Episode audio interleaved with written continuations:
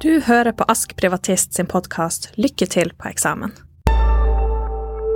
Vet du hva sammenhengen er mellom sykdommen borrelia og flåtten, og hvordan denne sykdommen blir overført til oss mennesker?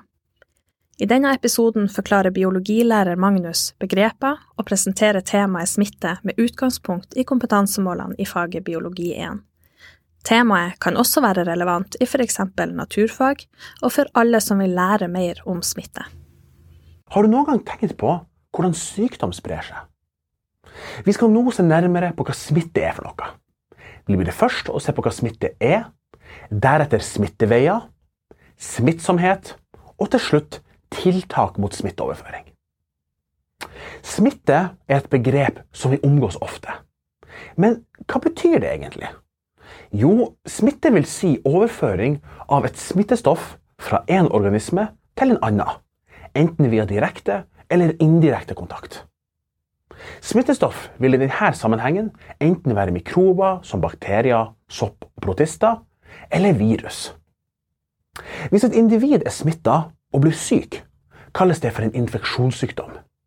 Ikke alle individer som er smitta, utvikler sykdom. Da kalles de for bærere. Altså, smitte trenger ikke bety at man får sykdom. Nå, når vi har sett på hva smitte generelt er for noe, skal vi se nærmere på hvilken inngang smitte har hos oss mennesker, samt smitteveier.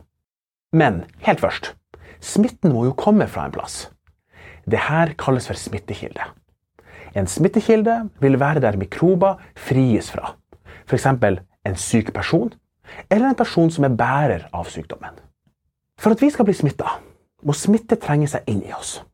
For oss mennesker har smitte hovedsakelig tre innganger.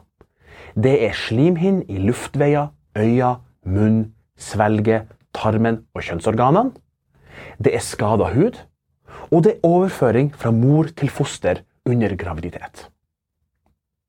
De tre vanligste smitteveiene er kontaktsmitte, luftsmitte og vektorbåren smitte. Kontaktsmitte vil være når mikrobene som gir sykdommen, kommer i direkte kontakt med individet. F.eks. når en syk person nyser i hendene, for så å hilse på noen andre med de samme hendene uten å ha vaska dem. Dråpesmitte regnes også som kontaktsmitte. Luftsmitte er smitte via lufta og skjer på to måter. Enten via aerosoler eller via støvpartikler. Vanndråper som inneholder mikrober der vann fordampes av, kalles for aerosoler. Disse her areosolene, som da inneholder mikrober, kan holde seg svevende i lufta i timevis. I likhet med areosolene kan støvpartikler som inneholder mikrober, også holde seg svevende i lufta i timevis. Til slutt har vi vektorbåren smitte. Dette er smitte via organismer som sjøl ikke er syke. Mest vanlig via insekter og leddyr. F.eks. smitte av malaria er vektorbåren smitte, siden smitten skjer via malariamyggen. Smitte av borrelia via flått er også et eksempel på vektorbåren smitte. Vi skal nå se på noen viktige begreper som omhandler smittsomhet. Begreper som epidemi og pandemi blir ofte forveksla med hverandre. Epidemi er mikrobielle eller virale sykdommer som rammer mennesker, dyr eller planter over et avgrensa geografisk område.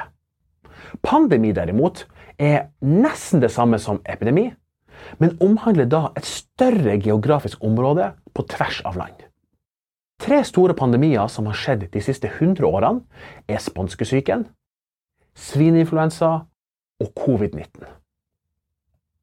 Når man snakker om smitte, er det viktig å ha tall og statistikk å jobbe med. Smittetall brukes derfor for å beskrive hvordan smitten brer seg i et samfunn. Et viktig begrep her er da R-tall.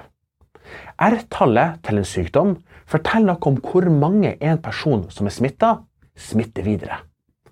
F.eks. vil R2 bety at en smitta person smitter to andre, mens R3 vil si at en smitta person vil smitte tre andre, osv. Inkubasjonstid er også et begrep man må kunne. Inkubasjonstid er tida det tar fra man er smitta til man utvikler symptomer på sykdom. Dette kan variere fra timer til måneder, avhengig av sykdommen. men som oftest er inkubasjonstida på noen dager. Man kan være smittsom under inkubasjonstida. Helt til slutt skal vi se på ulike tiltak som kan forhindre smitteoverføring. Fysiske tiltak som brukes mot spredning av sykdom, vil være god håndhygiene, der man bruker såpe og sprit for å ødelegge mikrobene.